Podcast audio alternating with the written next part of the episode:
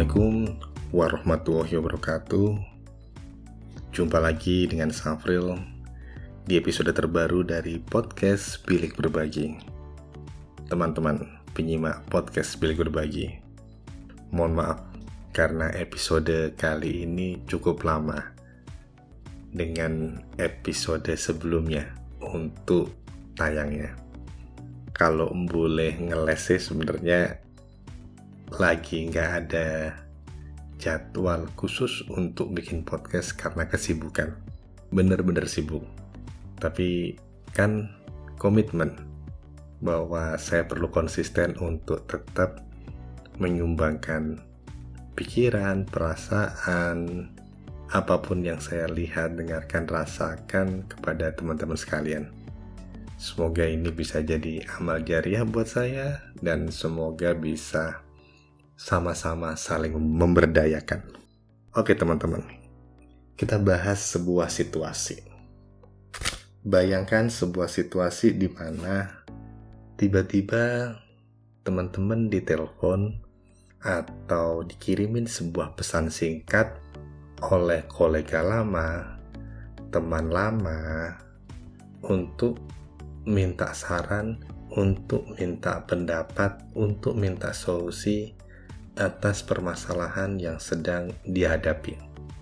Nggak pinjem duit sih, cuma hanya ingin minta pendapat, minta saran, minta solusi atas sebuah permasalahan yang sedang dihadapi. Mungkin teman-teman berpikir, ini orang selama ini nggak pernah kasih kabar. Saat dia dipromosikan, lihat di IG-nya dia sedang bahagia bersama keluarga, teman-teman kantornya, dia nggak pernah telepon aku toh. Dia nggak pernah kasih kabar. Sama sekali seperti kita dilupakan. Putus hubungan. Tapi saat dia ada masalah seperti ini, kok yang diingat hanya aku. Bahkan menurut pengakuannya, kitalah orang pertama yang ada dalam ingatannya untuk dimintain solusi atau saran. Ini kejadian dengan diri saya saat beberapa waktu yang lalu salah satu mahasiswa saya telepon saya. Saya sudah cukup lama lost kontak dengan dia semenjak dia lulus. Dan saya hanya bisa melihat keseharian dia, aktivitas dia di Instagram. Hingga dua hari yang lalu kalau nggak salah, dia kontak saya. Lewat pesan singkat di WhatsApp bahwa dia butuh solusi dari saya cukup surprise karena saya berpikir saya sudah lama ditinggalkan, sudah lama dilupakan, ujung-ujungnya ya saya merasa diri saya yang terlupakan. But it's okay, kan tiap orang juga punya kesibukannya, punya aktivitasnya sendiri-sendiri. Gak semua orang, gak semua mahasiswa saya kan perlu laporan apa pun kejadian dalam hidupnya pada diri saya. Jadi surprise saja, tiba-tiba dia kirim pesan singkat bahwa saya adalah orang pertama yang dia ingat untuk dia mintain saran atas sebuah permasalahan di kantornya. Sebenarnya masalah komunikasi dengan rekan kerjanya sih. Ya, alhamdulillah setelah diskusi dengan saya, ada solusi, ada pencerahan buat dia. Tapi mungkin beberapa orang berpikir bahwa kita sepertinya hanya diingat saat masa-masa sulit saat masa-masa bahagia, kayaknya kita dilupakan. Oke, kalau kata guru saya, Pak Pras, kita hanya perlu untuk mengubah frame of mind kita. Atau kata sahabat saya, Adinda, kita perlu mereframe, membingkai ulang pikiran kita.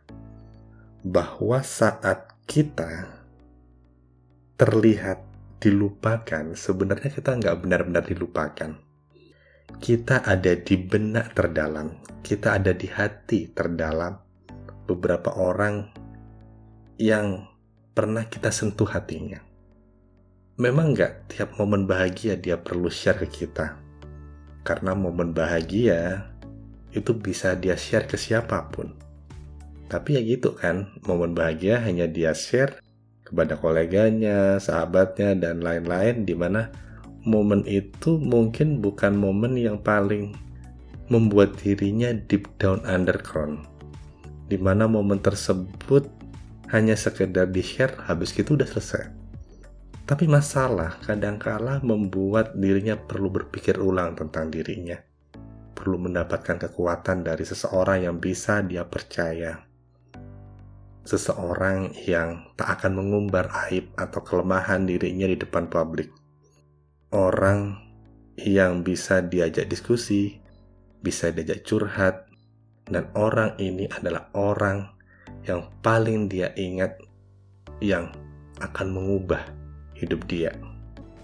So, teman-teman, yuk kita membingkai ulang, mereframe, mengubah frame of mind kita menjadi lebih positif bahwa yang terlihat terlupakan sebenarnya adalah yang paling teringat di momen-momen krusial dalam hidup dia, di momen-momen penting dalam hidup seseorang, di mana saran kita, nasihat kita, solusi kita, akan sangat dibutuhkan dia daripada kita hanya hadir saat momen-momen kebahagiaan dia yang mungkin tidak cukup bermakna buat dirinya maupun diri kita. Semoga bisa membantu ya. Dan jangan pernah berpikir bahwa teman-teman terlupakan.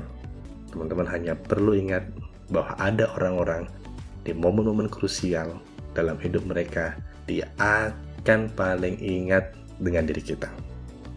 Itu aja sih. Sampai jumpa di episode berikutnya dari podcast Bilik Berbagi. Wassalamualaikum warahmatullahi wabarakatuh.